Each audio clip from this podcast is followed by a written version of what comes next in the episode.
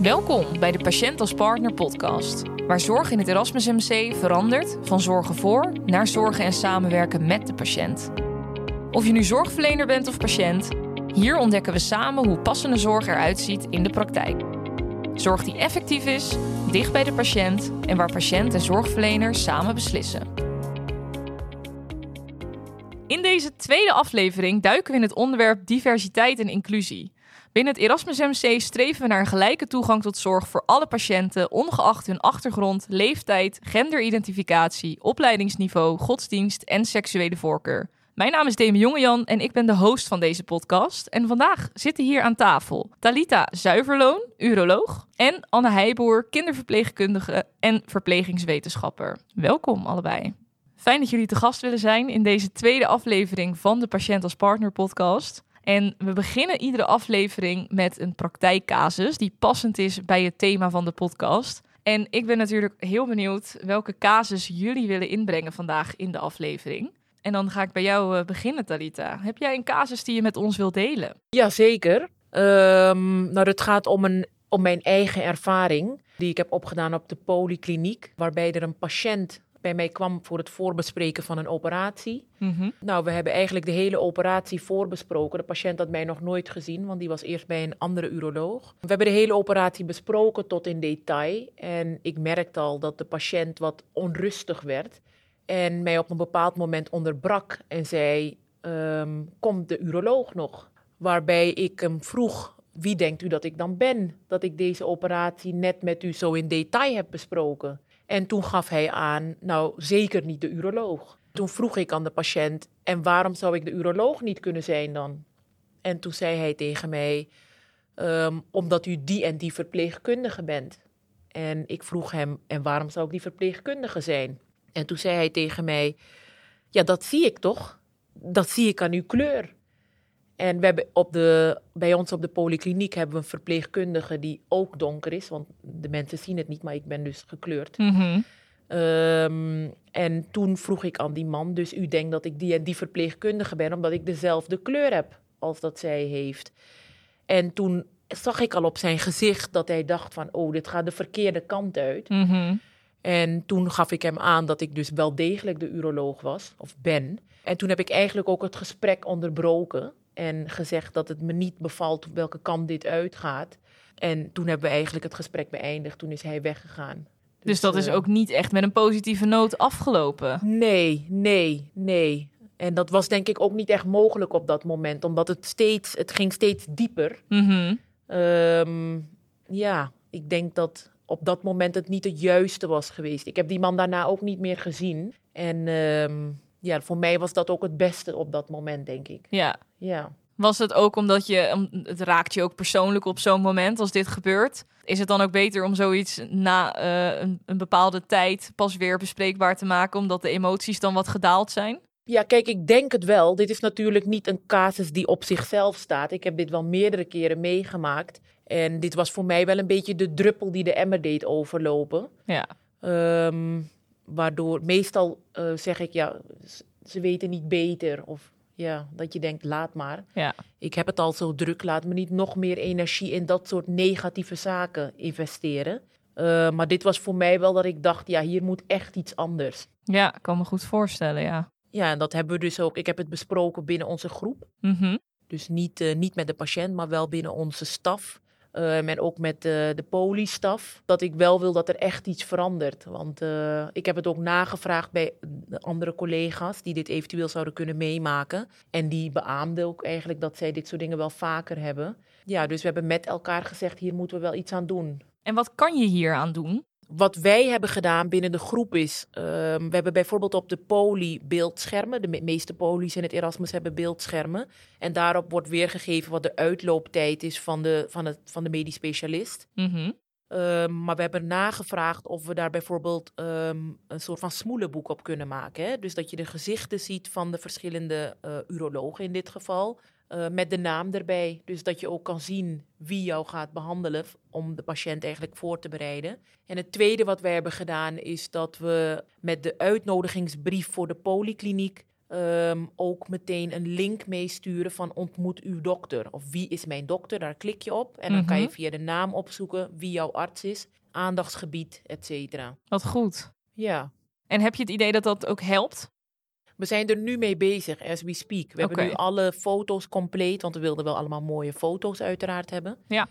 Ehm, en de beschrijvingen per eh, uroloog. En dat zal dus binnenkort, ik denk in eh, januari ergens volgend jaar, zullen we daarmee, daarmee starten. En ehm, wat ik zelf ook heel fijn vind, is dat we hebben besloten om op, eh, in de staftoren, waar bijvoorbeeld studenten komen, co-assistenten, dat die, we hebben daar bijvoorbeeld een fotomuur met allemaal urologen van lang geleden die een bijdrage hebben geleverd aan de urologie, significante bijdrage.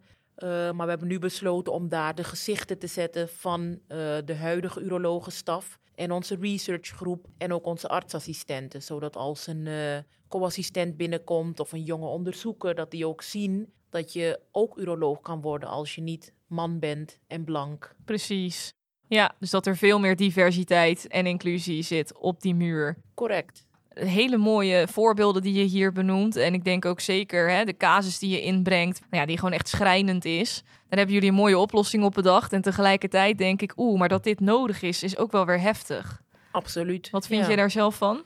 Nou, wat ik al zei in het begin toen dit gebeurde, toen dacht ik, ja, dit, dit, dit is gewoon weer one of many. En toen heb ik het, uh, ja, eigenlijk er geen aandacht aan besteed. Maar een week later werd ik wakker nadat ik een nachtje had geslapen. En ik voelde zoveel woede erover dat ik dacht, ja, ik moet hier gewoon iets mee doen. Ja. Want het gaat in die end niet alleen om mij, maar ik denk dat, dat je ook wel wat kan veranderen voor de, de nieuwe generatie. Dus je doet het niet alleen in het belang van jezelf, maar je doet het juist ook voor, voor de ander. Ja, om ervoor te zorgen dat dit gewoon minder voor gaat komen. Correct, ja. ja. Ja, en Ja. Anne, jij bent uh, kinderverpleegkundige. Jij hebt vast ook zaken uh, meegemaakt rondom diversiteit en inclusie. Ja, heel schrijnend dat uh, Talita dit meemaakt met de aannames van patiënten. En ik heb een voorbeeld dat ik een aanname had en Mm. daarbij eigenlijk tegen de muur aanliep. Ik had als kinderverpleegkundige de zorg voor een baby die voor de, de andere dag voor een operatie moest. En um, er was al lab afgenomen, dus bloedafname, maar er moest nog een keer. Maar bij een baby is dat eigenlijk een uh, klein prikje in de hiel. Moeten de kindjes altijd wel even van huilen en dan druppel je het bloed eigenlijk in een cupje. Dus weinig milliliters, even vervelend, maar baby's zijn daarin best goed te troosten. Dus ik dacht, nou, uh, deze moeder was niet van Nederlandse afkomst. En ik dacht, nou, als ik het gewoon even met mijn uh, handen uitbeel, ik laat het cupje zien, de prikker waar de hiel in, wat in de hiel gaat. En ik wijs even aan dat het nog één keer moet, hè, met zo'n vingertje met een één. Van, nou, Mhm. we doen het nog één keer. Ja. En dan ga je soort van iets harder praten, omdat je denkt, nou, dan hoort iemand het wel. Heel raar vind ik dat van mezelf. Um, en ik dacht, nou, voor mij is het niet zo'n big deal. Hè. Het moet gewoon nog een keer. Ja, morgen die operatie moet doorgaan. En we hadden nog wat waardes nodig. Nou, die moeder was heel erg verdrietig en emotioneel. Maar ja, je kan dus niet met elkaar in gesprek. Want we hadden een taalbarrière samen. En toen dacht ik, oh ja, uh, dan ga ik de tolkentelefoon bellen. Om het uit te kunnen leggen. Maar ook vooral op te halen, wat, is, wat maakt haar emotioneel? Precies. En dat had ik dus niet gedaan als moeder dat gewoon had geaccepteerd. Als ze gewoon ja had geknikt en dacht, nou, uh, laten we het doen. Terwijl ze dan ook niet had begrepen wat er was gebeurd. Mm -hmm. Dus eigenlijk de aanleiding uh, was haar emotie en dat ik daarvan schrok. En toen begreep ik van de tolk die mij kon uitleggen dat deze moeder zich zo zorgen maakte of, het, of er dan nog wel genoeg bloed over was voor die operatie.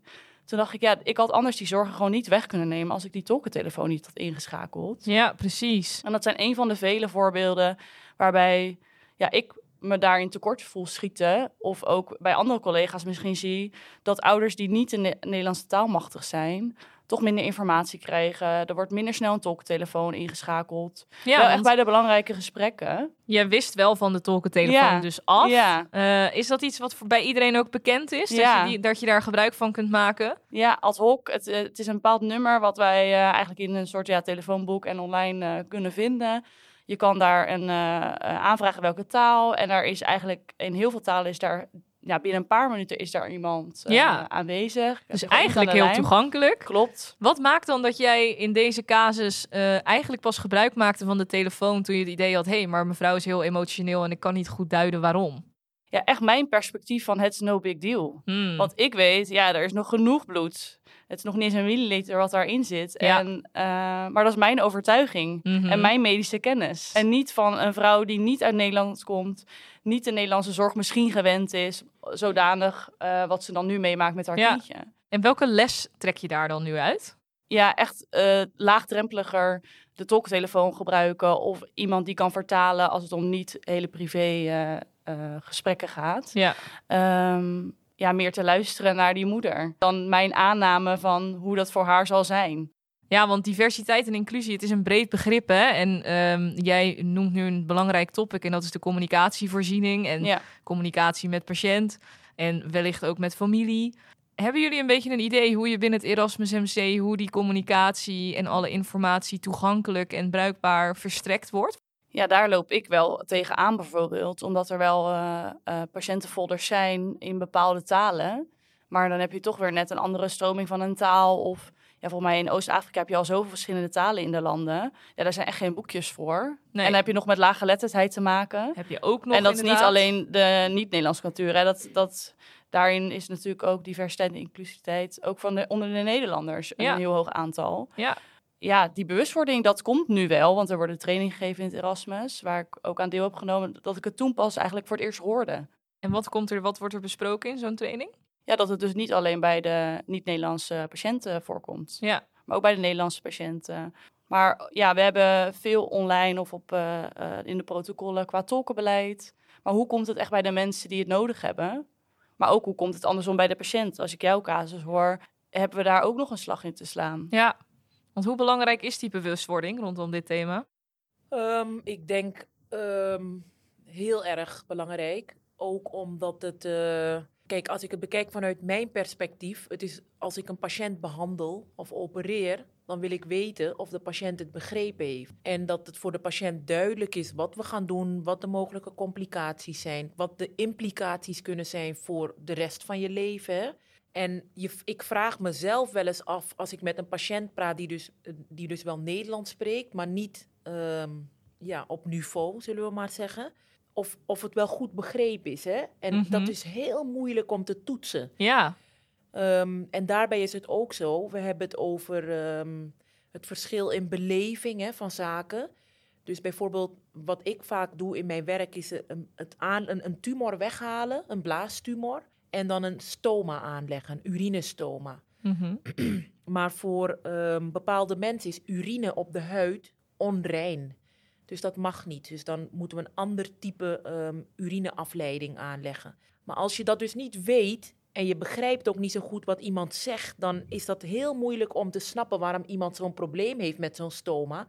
Terwijl het de minst complicatiegevoelige operatie is. Dus het begrip van ehm, de anders beleven, beleveniswereld is denk ik heel erg belangrijk. Eh, maar het is heel moeilijk natuurlijk, hè? want er, is- er is niet één cultuur, er zijn honderd culturen. En ja, je kan niet alle culturen begrijpen. Maar ik denk dat het wel begint met je eigen judgment los te laten. Hè? En Mhm. als je dat doet ehm, en een patiënt benadert zonder. Dat is echt heel moeilijk, denk ik hoor. Ik zeg het heel alsof het iets heel simpels is. Maar als je iemand, een persoon benadert zonder je eigen eh, vooroordelen of gedachten erbij, Mhm. ehm, dat, je, dat je veel sneller erachter komt wat nou een probleem is bij iemand of hoe ze denken ehm, over bepaalde problemen. In plaats van dat je van tevoren al gebiased bent. Ja. En iedereen is gebiased, laten we eerlijk zijn. Maar ik hoor je eigenlijk zeggen dat het vooral belangrijk is om je bewust te zijn van je eigen bias en je eigen vooroordeel. Ja. Ja, Ehm, En dat gaf jij net eigenlijk ook al aan, hè? Van, hè, ja, ik zit in mijn eigen belevingswereld en ik weet Ja. waarom ik een bepaalde handeling wel of niet doe. Maar je daar bewust van zijn en vervolgens dus ook open richting patiënt en familie eh, zijn. En ook dat gesprek openen is dus heel belangrijk. Ja, en ik denk dat ehm, jij vertelde over die cursus, hè, die DNI-cursus, ehm, DNI-cursus. Ik denk dat dat echt, ik zou iedereen dat ook aanraden. Ik weet niet of ze bij jullie ook kort uitstapje, ze deden daar dus een, je kreeg een film te zien met allemaal studenten die stonden op een rij, gemengd, wit, bruin, noem maar op. En leeftijd was ongeveer, ik denk 16, 17 jaar. En die man die stond dus aan de overkant van die studenten. En die zei, ik ga jullie een vraag stellen. En wie als eerst aan de overkant is, die is de winnaar. Nou, toen stelde hij de eerste vraag van, van wie van jullie zijn de ouders nog bij elkaar? Die doet een stap naar voren. Nou, dus toen zag je wat mensen naar voren. Toen stelde hij de vraag: van wie van jullie is, eh, worden jullie gesupport door je ouders om te studeren? Nou, weer een paar mensen naar voren en dan bleven er mensen achter. Nou, toen zo ging het dus door met dat type vragen. En uiteindelijk zag je dus op de achterlijn alle ehm, zwarte jongeren. Daarvoor zag je wat gekleurde jongeren. En helemaal vooraan, die waren eigenlijk al aan de overkant, zag je dus ehm, alle blanke jongeren. Ja. En toen zei hij van, draai je nu om tegen de mensen die dus naar voren stapten en kijk wie achter je staat. En besef welk voordeel jij al hebt om aan de overkant te komen.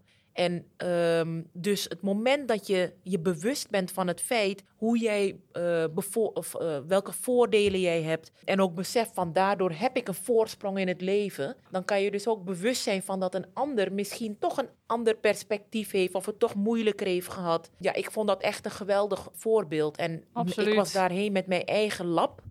eh, met de studenten uit het lab. En die werden dus ook echt emotioneel. Want ik heb een lab dat heel divers is. Met eh, ook mensen die komen uit een oorlogsgebied, uit Iran bijvoorbeeld.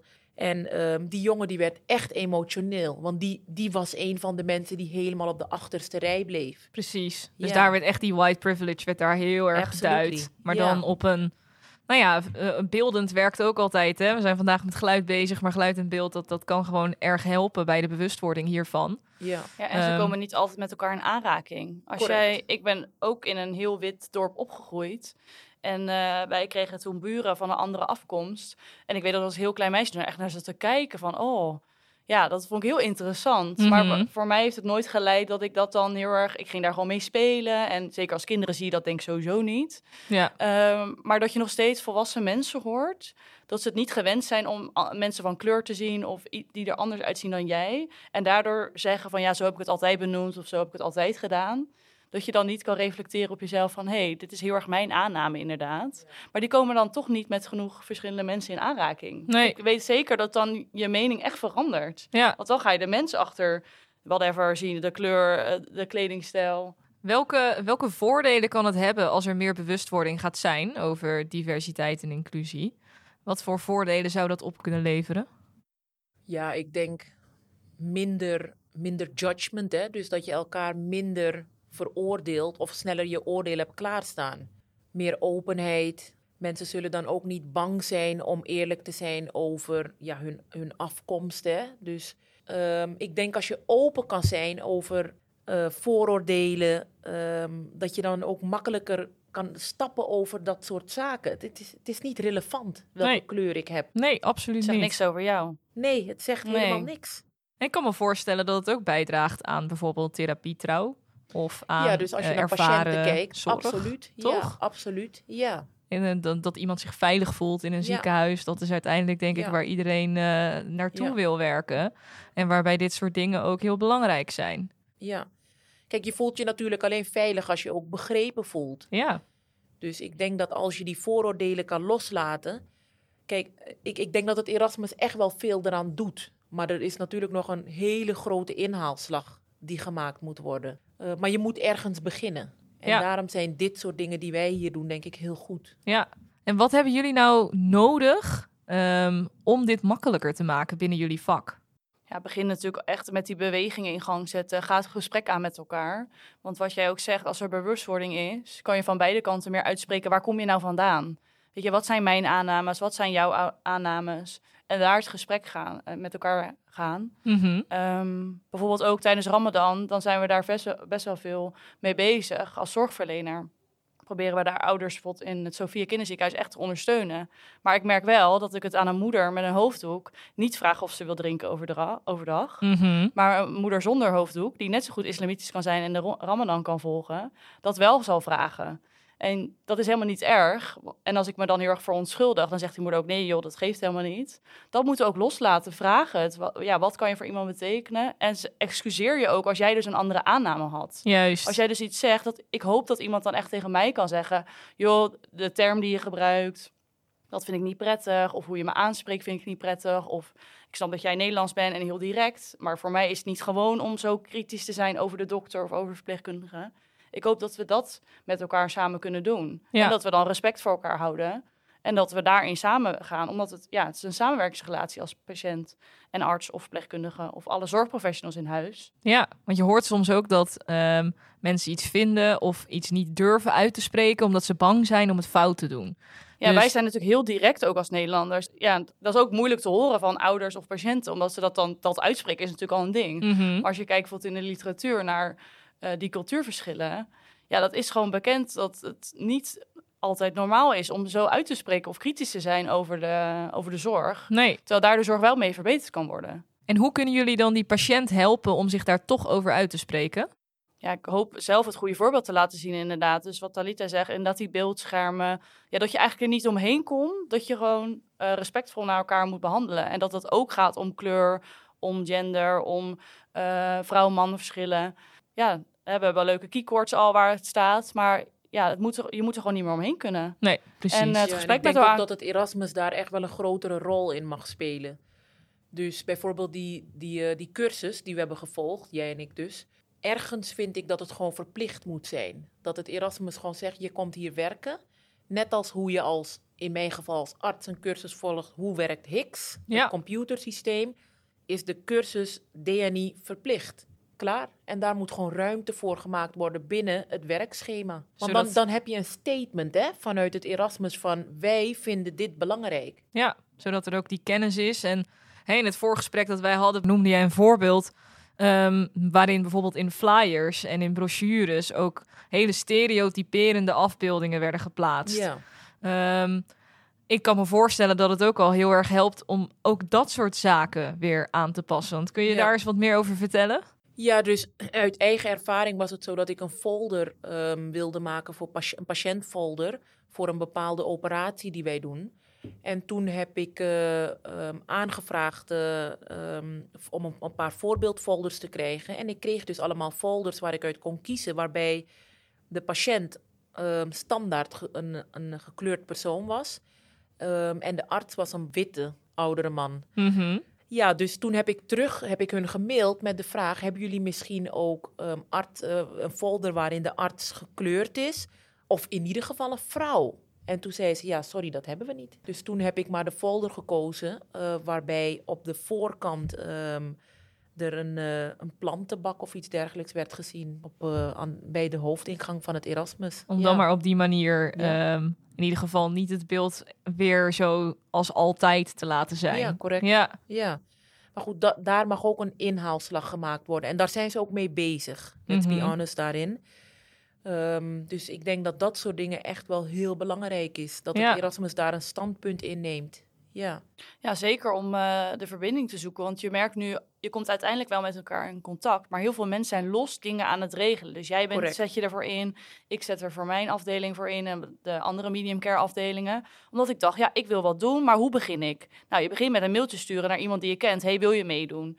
Nou, in september was er een heel eh, een cultuursensitieve zorg eh, symposium georganiseerd. Mhm. Dat doet ook iemand, omdat ze denkt, er moet iets veranderen. Maar hoe, inderdaad, de hogere laag moet het eigenlijk zo faciliteren dat je daar gewoon altijd mee te maken hebt. Dat jaarlijkse training of dat iedereen inderdaad verplicht. Dat vind ik echt een heel goed idee. ja. Had ik nog niet eens aan gedacht. Om, ik denk dat dat echt een beweging in gang zet. Want als je zelf wel eens ga- gaat zoeken naar een webinar of naar een cursus, ja, betaal je flink veel geld. En ik denk dat je daar, ja, daar kan misschien één iemand al gebruik van maken hè, met scholingsbudget. ja, Maar ja, dat is een hoge drempel voor mensen. dus iedereen moet die kennis hebben. Ik hoor jullie zeggen, Ja. Kennis voor een informatievoorziening is over dit eh, thema en dit onderwerp is gewoon heel belangrijk. Dus bijvoorbeeld verplicht die DNI-cursus doen. Eh, ik hoor jullie zeggen, begin met het gesprek. Wees je bewust van je eigen referentiekader en oordelen, vooroordelen. Ehm, en maak het ook bespreekbaar als je iets niet weet. En nou ja, hè, we hebben ook wat praktische voorbeelden gehoord. Waarin eh, jij bijvoorbeeld aangaf, nou ja, afbeeldingen van dit is uw dokter. Wat ook kan bijdragen. En ook op afbeeldingen in flyers, in folders. Laat die diversiteit zien. Zodat het hopelijk steeds normaler gaat worden voor, eh, voor alles en iedereen. Wat is voor jullie de stip op de horizon? Waar, wat zou jullie ideale scenario zijn? Nee, ja, ik hoop echt dat we elkaar meer als mens zien dan in een hokje waar, waar je iemand in plaatst. En echt als gelijken. Eh, ja, je mag wel het zien dat je anders bent, maar dat zou dus niet uit moeten maken dat je daar je anders naar gedraagt of anders naar iemand spreekt. Alleen omdat iemand er anders uitziet dan dat jij gewend bent. Dat zou voor mij denk ik de stip op de horizon zijn. Ja, dus dat de verschillen er mogen juist mogen zijn, Ja. omarmd mogen worden, maar de behandeling moet voor een ieder gelijk zijn, of in ieder geval passend voor wie je tegenover je hebt en wat zijn of haar wensen zijn. Want ook al ken je alles, eh, alle, heb je alle literatuur of informatie gelezen over culturen en religies, dan zal er toch iemand zijn die net iets anders behoeft. Dat Ja. is oké. Het is niet gelinkt aan je afkomst. Kijk gewoon wat diegene dan wilt en pas daar je of je behandelplan of je zorg of je gesprek op aan. Ja, dus we- passend op de individu. Ja, ik sluit me daar eigenlijk volledig bij aan. En wat ik wel echt hoop voor de toekomst, en dan niet de verre toekomst, is dat het Erasmus MC hier een grotere rol in gaat eh, nemen. Nou, hopelijk kan deze podcast daar ook weer een beetje aan bijdragen. In ieder geval wil ik jullie allebei heel erg bedanken voor jullie deelname aan deze podcast en jullie waardevolle bijdrage. Ik wil nogmaals eh, benadrukken dat het dus gewoon echt belangrijk is dat je niet alle culturen tot in een detail hoeft te kennen. Er is geen standaard gebruiksaanwijzing per cultuur. Eh, maar het is vooral dus belangrijk om je bewust te zijn van je eigen referentiekader en tegelijkertijd inzicht te krijgen in het kader van anderen. En door dat gewoon eh, bespreekbaar te maken en dat ook normaal te maken. En dat doe je door niet snel te oordelen en je te verdiepen in de ander. Ik wil jullie en de luisteraar nogmaals bedanken. En ik hoop uiteraard de luisteraar bij de volgende aflevering weer terug te zien. Dank jullie wel. Bedankt voor het luisteren naar deze aflevering van de Patiënt als Partner podcast. Wil je meer informatie over de patiënt als partner in het Erasmus MC? Neem dan via de link in bio een kijkje op onze website.